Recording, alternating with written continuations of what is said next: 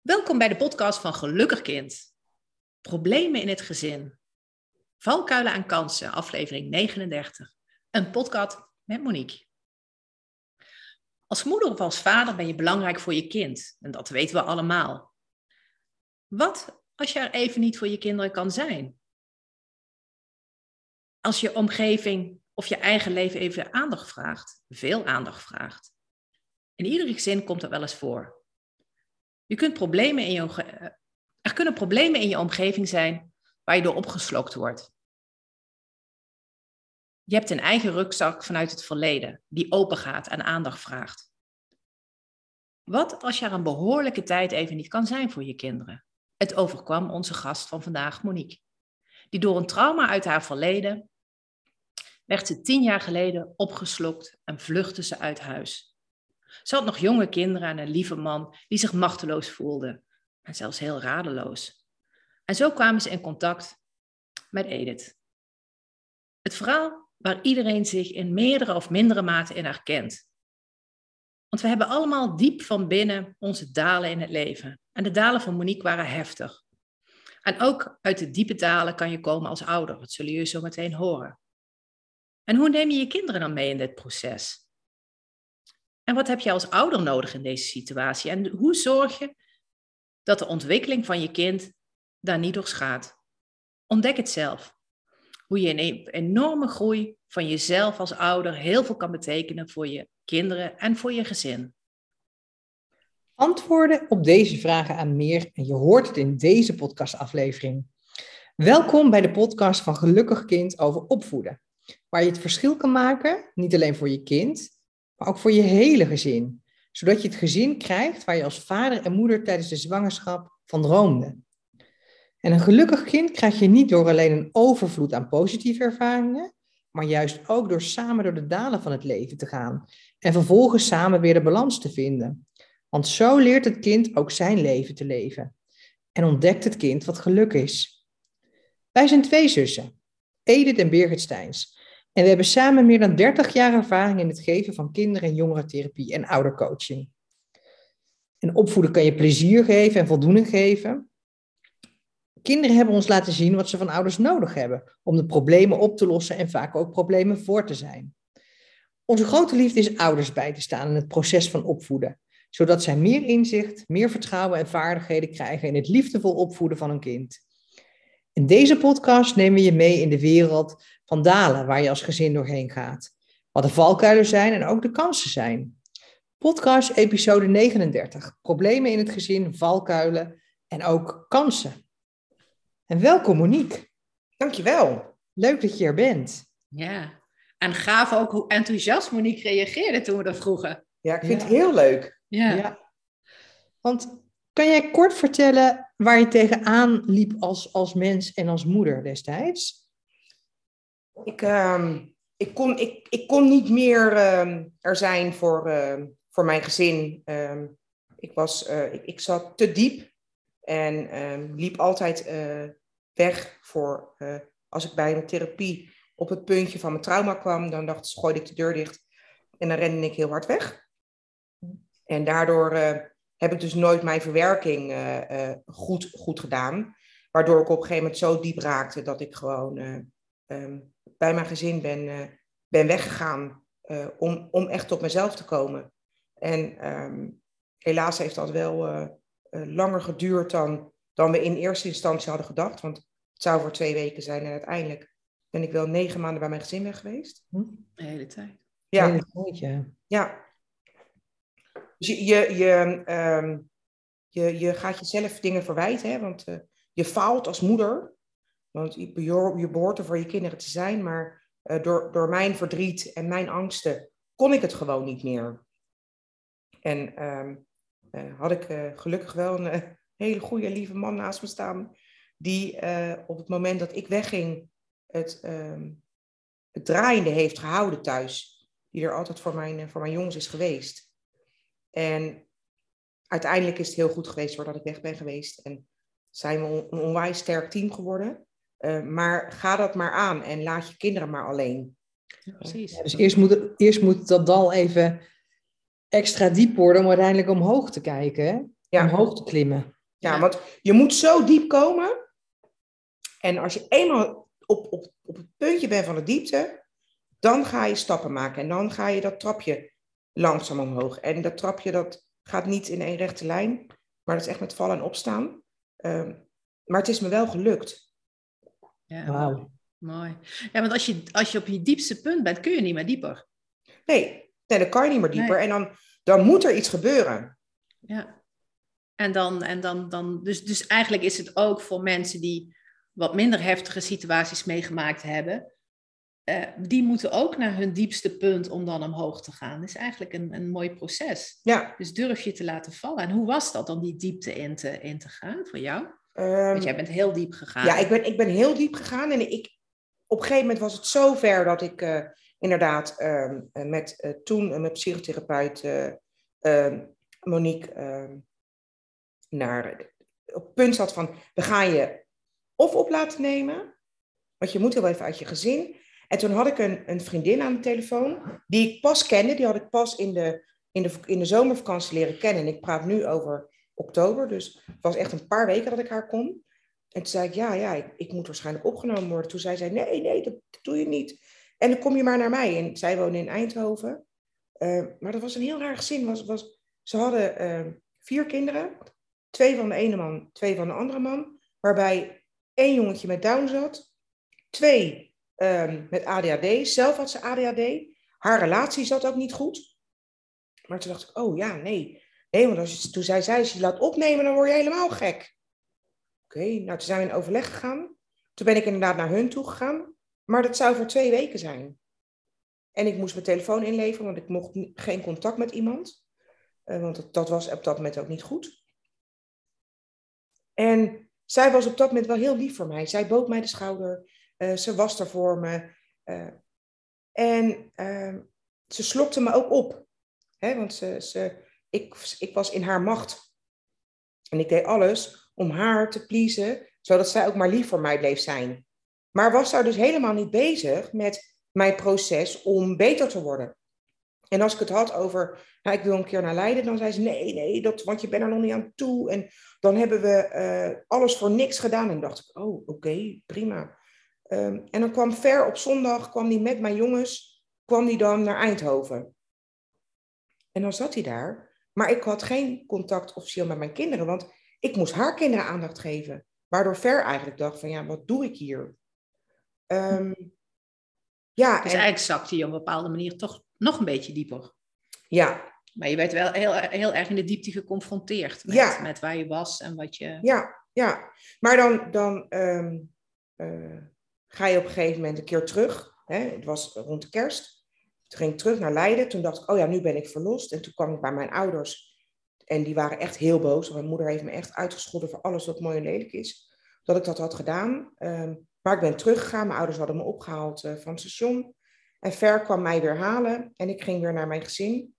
En waar ik op dat moment een enorme paniekaanval kreeg. En ik zou die avond ook weer teruggaan naar Eindhoven, want dat had ik afgesproken. Maar dat kon niet, want de paniek was zo hoog.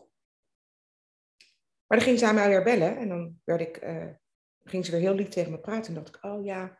En toen dacht ik, ik ben verliefd geworden op haar. Ik, ga, ik moet daar naar terug.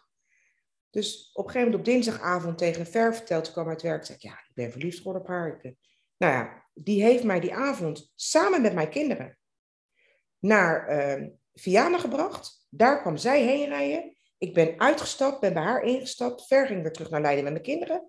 En ik ging naar Eindhoven. En ik dacht, nou, dit is het Valhalla. Maar ik liet wel weer mijn kinderen in de steek. Ja, dus je zat eigenlijk vast in Eindhoven en Ja. je zag geen uitweg waar je toen in Nee, zat. Nee, en, En hoe ben je daar dan uitgekomen? Hoe ben je daar uitgestapt? dat heeft, dat, ik ben tot vier keer, nee, de vierde keer dat ik terugkwam, want ik ben dus drie keer heen en weer gehopt. Had, liep ik weer weg, want dan had ik weer ruzie met haar, dan ging ik weer terug. En heel raar, maar ik, had, ik bleef contact houden met Ver. Want op een gegeven moment had Ver ook gezegd, ja, ik ga een vakantie boeken. Wat doe je? Ga je mee? En toen dacht ik, ja, natuurlijk ga ik mee. Wat is dat nou voor een rare vraag? Gaat toch met jullie mee op vakantie?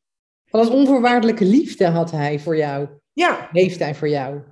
Niemand hier in Leiden begreep dat. Want die zei, joh, jij bent helemaal gek, laat haar gaan.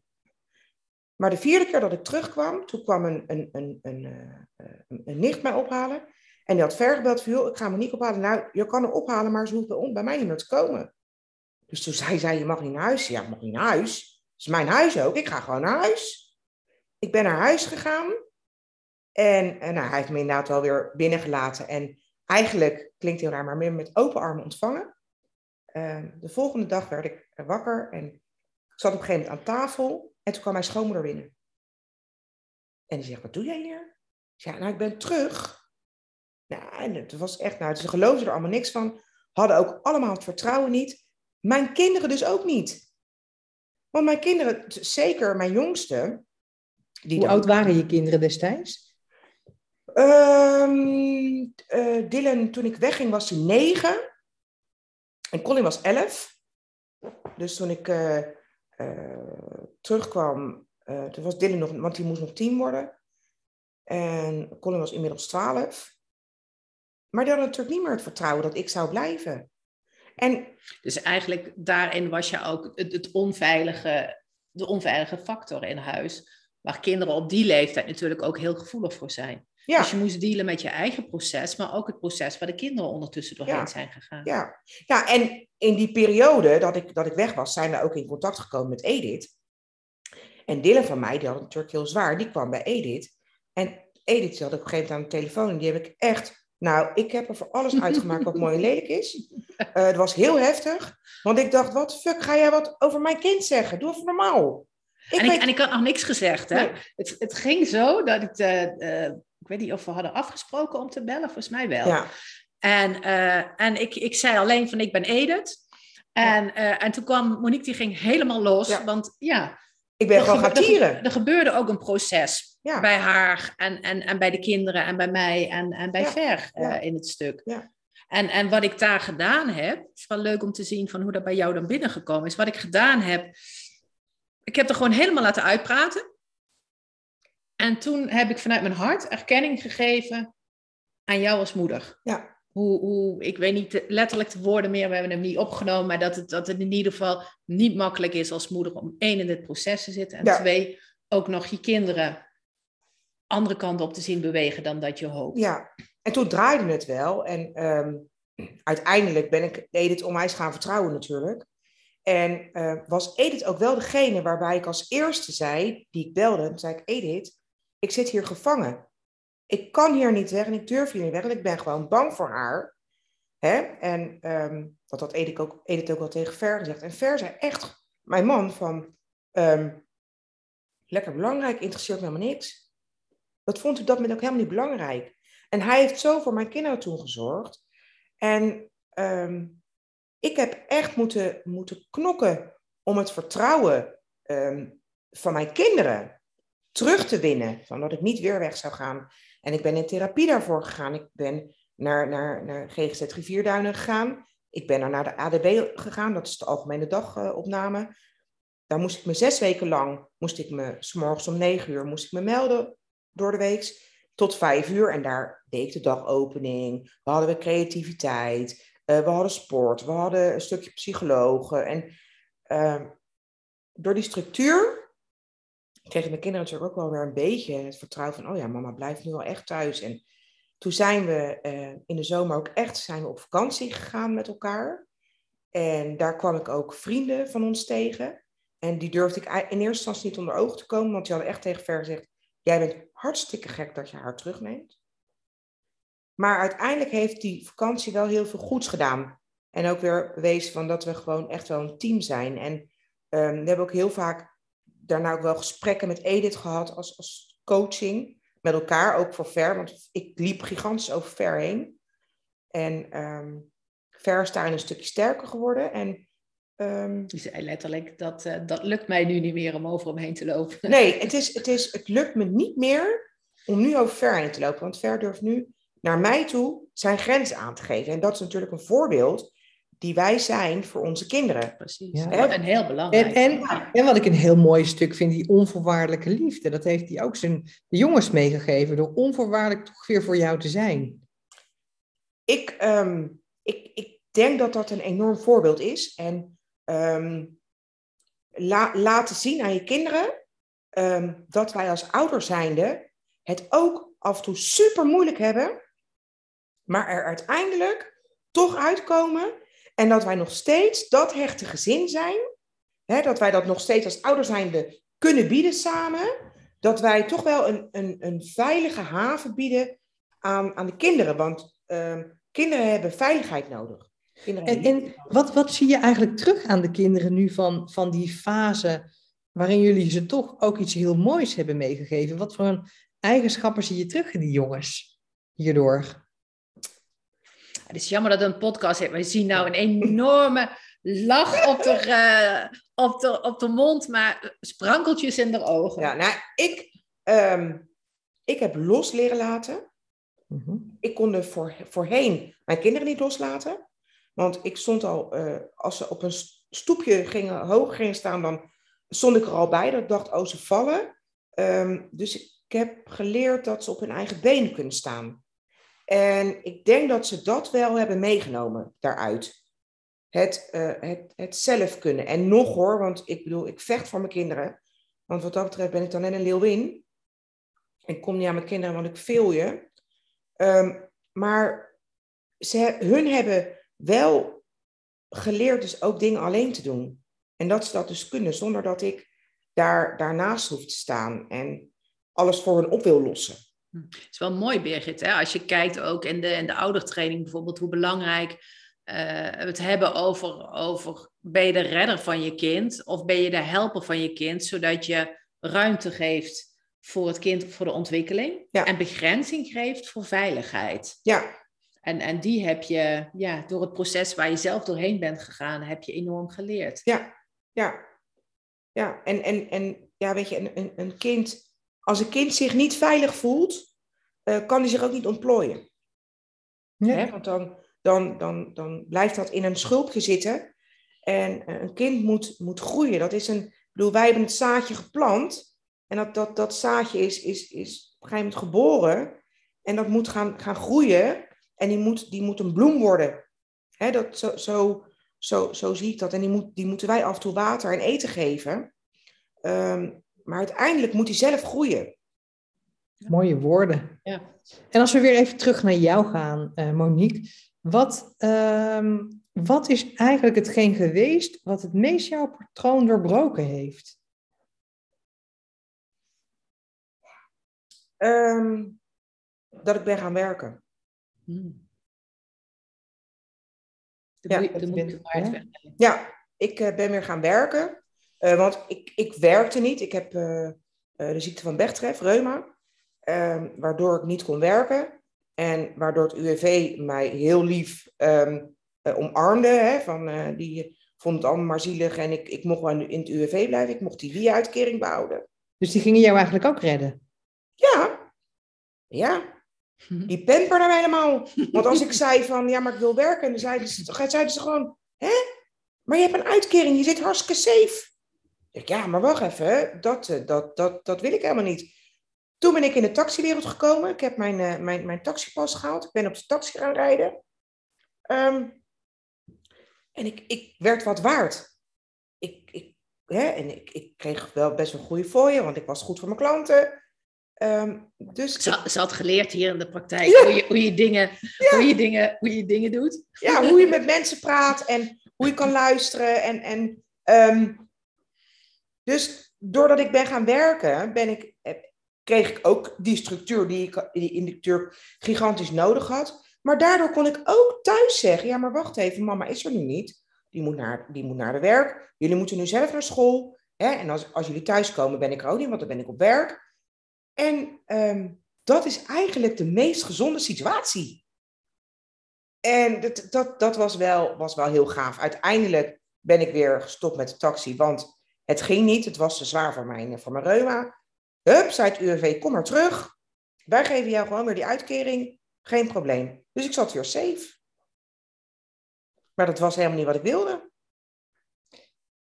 En toen ben je, heb je een ommekeer gemaakt? Toen heb ik, uh, toen ben ik op een gegeven moment, ik, ik, ik stortte natuurlijk wel weer een beetje in. Toen ben ik naar, uh, toen kreeg ik Stichting Amosa bij mij thuis. Dat is een stichting hier in Leiden, die uh, thuiscoaching doen.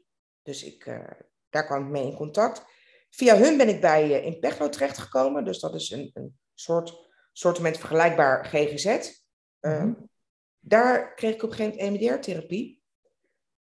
En dat was het Valhalla. En toen dacht ik, wat? Ik kan nu naar mijn trauma kijken zonder dat ik gigantisch verdrietig of wat dan ook word. Um, dus het heeft een plekje gekregen. Een trauma gaat nooit weg, maar het heeft wel rust gekregen in mijn lichaam. Toen was ik klaar bij een pechnoot. Toen zei ik, ja, maar ik, ik wil dus eigenlijk mensen gaan helpen die hetzelfde hebben meegemaakt als ik. Of die dezelfde diagnose hebben. En toen zei die psychiater, dat kan jij. Ik ben het ook gaan doen. Ik ben uh, gelijk op Google ge, gedoken. Toen kwam ik het Wat een veerkracht heb jij. Ja, ja maar de wil in mij was er. Ja. Hè?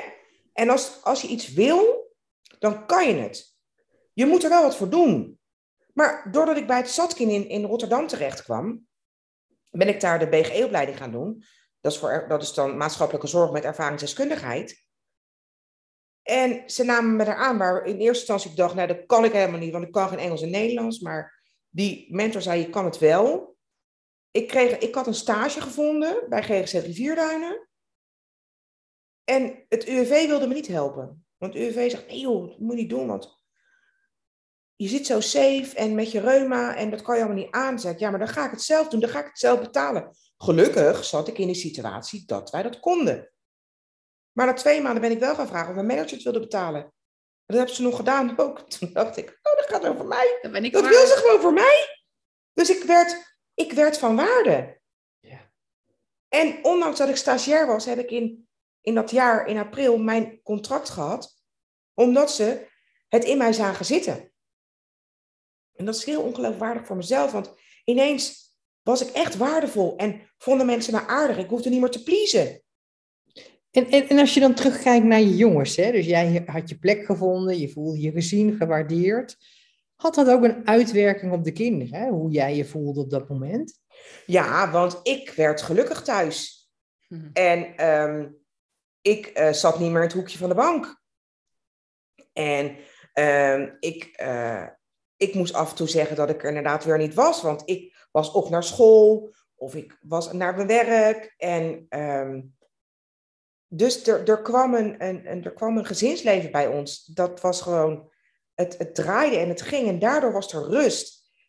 En als er rust in je gezin is, hè, dan gaat het ook wel goed. Ja. En, en iedereen zijn eigen zelfredzaamheid moest gaan pakken. Ja. Want wat ik hoorde is dat jij toen de jongens heel jong waren, uh, voor hun zo zorgde dat de zelfredzaamheid bij hun veel lager was. Ja. En op deze manier zag je dat iedereen in zijn kracht staat ja. en dat je de kinderen ook daardoor in hun kracht kan zetten Ja. om ook vertrouwen te hebben dat ze het zelf kunnen. Ja. Nou, weet je, wat, wat, wat, wat mijn kinderen wel vervelend vonden van, van vroeger, is dat ik eigenlijk altijd al voor ze klaar stond en met, met mijn grote bek naar iedereen stond van... Uh, en ik heb ze dat nooit zelf op laten lossen. Precies. En eigenlijk willen kinderen het zelf oplossen. Maar daar was ik alweer en daar stond ik alweer. En dat is helemaal niet, niet het juiste. En dat, dat heb ik um, gedaan omdat ik gewoon van mezelf um, misschien dat stukje wel gemist heb. Want als ik thuis kwam, zei mijn moeder altijd op school van... het is jouw schuld. En, um, en ik dacht, ja, maar wacht even. Ik moet, ik moet mijn kinderen beschermen. Maar, zoals wij dat zeggen, je bent gaan contraspiegelen. Je wilde ja. het eigenlijk tegenovergestelde doen ja. wat je moeder deed. Maar trauma komt vanuit je jeugd. Ja. Die is er overheen gekomen. En daardoor ben je eigenlijk wakker geworden om te zien wie ben jij echt en wie wil je als moeder zijn. Ja, ja. ja. En, en ik ben wel van mening dat um, als ik uh, ver niet naast mij had staan, had ik nu niet geweest waar ik nu ben. Nou, het is een, een, een ode aan Ver, deze podcast. Ja, ab absoluut. Want ik bedoel, uh, hè, we, uh, Ver kwam hier, hier ook met Dylan natuurlijk. En um, die had ook goede gesprekken met Edith. En Edith heeft hem daarin ook weer dat stukje coaching gegeven om ook naar mij toe zijn grenzen aan te geven. Ja, dat, dat is gewoon fantastisch. En, um, en, en wat heeft Edith dan precies gedaan waardoor dat uh, zo fijn voor jullie was? Koffie. Nou, nou, dat is een grapje hoor, die koffie. Nee, nou, maar het, is, het, is, het is niet een grapje is, als je bekijkt. Het wat, is veiligheid. Ja, ja. Veiligheid. En jij voelde ook die veiligheid. Ja, ook, ook dat vertrouwen, Monique. Het, het, is niet echt helemaal een grapje. Monique had van de vorige podcast, zei ze van... Uh, oh, je hebt iets lekkers gebakken, van, uh, doe je dat ook voor mij? Dus Monique heeft net le een lekker stukje cake gehad. Maar uh, dat is wat Birgit en ik ook zeggen, heel belangrijk. Van één kant, je moet binnenkomen en het gevoel hebben van... oh, hier voel ik me fijn, hier voel ik me veilig. Ja. Maar met deze persoon gaat het me ook lukken. Ja. En ik zet in de praktijk, zet ik altijd koffie, gewoon goede koffie van Simon Leefveld goed gemalen voor de cafetière. En het is echt een, een ritueel om die koffie ook te zetten. En Monique vertelde toen ze hier binnenkwam dat, uh, dat een man uh, hier die koffie zo had gekregen. En dat hij zichzelf thuis dus ook verwend heeft om ook een cafetière met goede koffie te kopen. Waardoor hij ook die hoop en die moed kan bundelen. Dus je zegt het is een grapje, maar zo werkt het wel bij ons allemaal. Ja, het is, het, is, het, het is veiligheid en vertrouwen wat we hier kregen. Um, maar anderzijds was het ook, het was heel fijn om hier naartoe te gaan, omdat um, Edith niet oordeelde, maar ze luisterde. Ze luisterde naar ons verhaal. En daarin um, liet ze mij praten, maar liet ze Ver ook praten. Vroeg ze ook aan Ver van, hoe is het voor jou?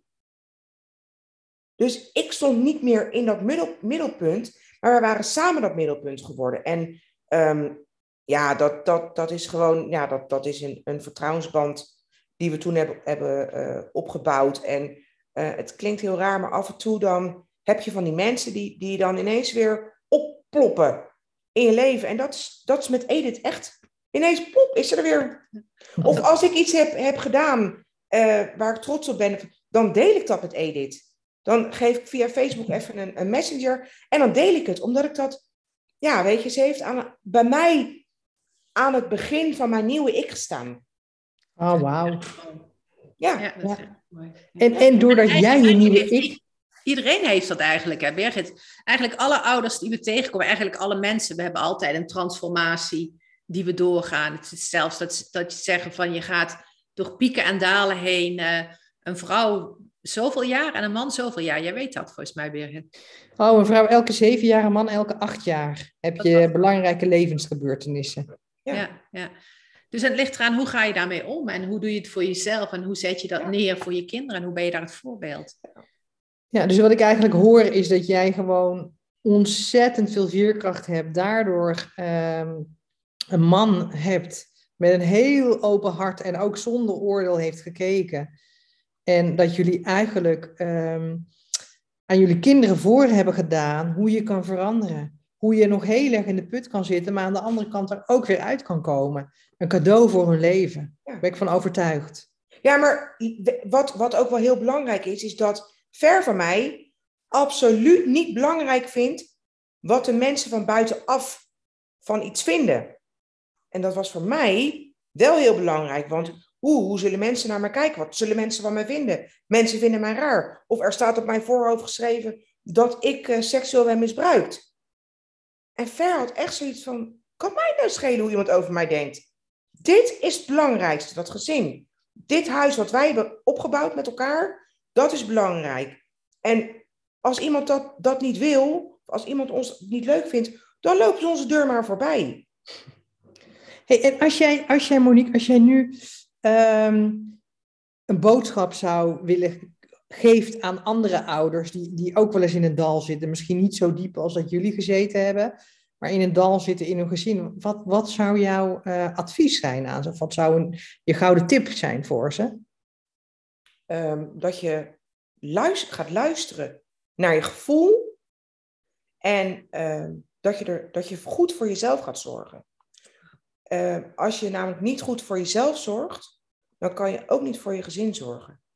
En um, ik heb dus geleerd dat ik eerst voor mezelf moest gaan zorgen.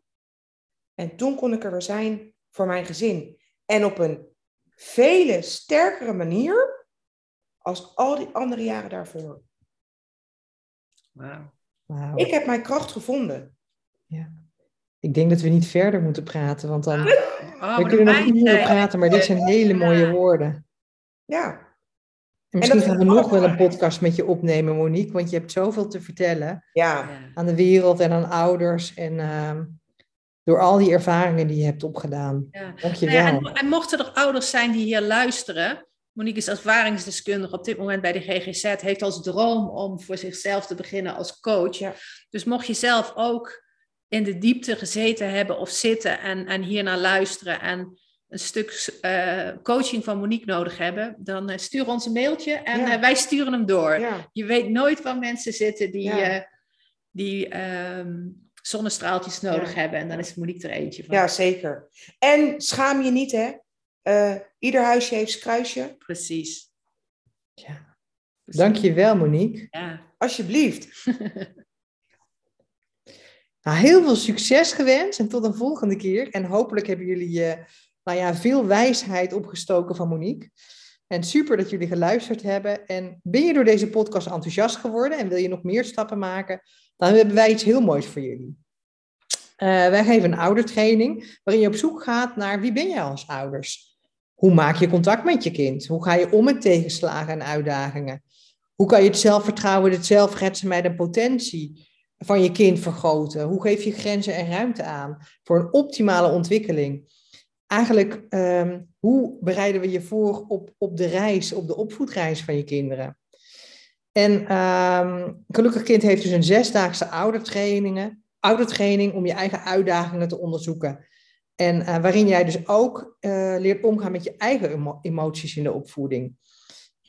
Birgit, wat, wat daar nog een belangrijke in is, is dat het geen oudertraining is van we dragen iets over. Nee, je krijgt net zo de liefde en de aandacht die Monique in therapie gehad heeft. Dus je zegt wel eens uh, van het lijkt wel een groepstherapie die we geven. Dus in dat opzicht is misschien nog mooi te melden aan de hand van deze podcast, dat dat ook het stuk is wat wij in de oudertraining ook overdragen. Ja. En je krijgt, wat, wat, wat het effect is, dat je eigenlijk een heel ander kind krijgt. En, en dat je zelf ook als mens en als opvoeder uh. En ik vond dat zo mooi bij de laatste uh, oude training die we, die we hebben gegeven. Toen zei een vader, zei, jullie hebben ons niet zozeer een, um, allemaal tips gegeven. Nee, jullie hebben ons een, een toolkit gegeven waarin we het zelf gaan doen. Um, ja, ik, ik wil het eigenlijk hierbij laten van, van ga uh, naar Gelukkig Kind als je geïnteresseerd bent en, en klik op, op de oude training als, als je ook die stappen wil maken. Uh, vind je de podcast interessant en wil je deze delen met andere ouders? Ga dan naar de drie puntjes en kies delen. Wil je direct meer inspiratie? Meld je dan aan voor de nieuwsbrief via de site van gelukkigkind.com. Nou, voldoende opties om opvoeden nog leuker te maken. Nogmaals, onwijs bedankt. En tot de volgende keer. En super dankjewel, uh, Monique. Ja, Monique, dankjewel. Alsjeblieft, heel graag gedaan. Hey, doei. Doei. doei.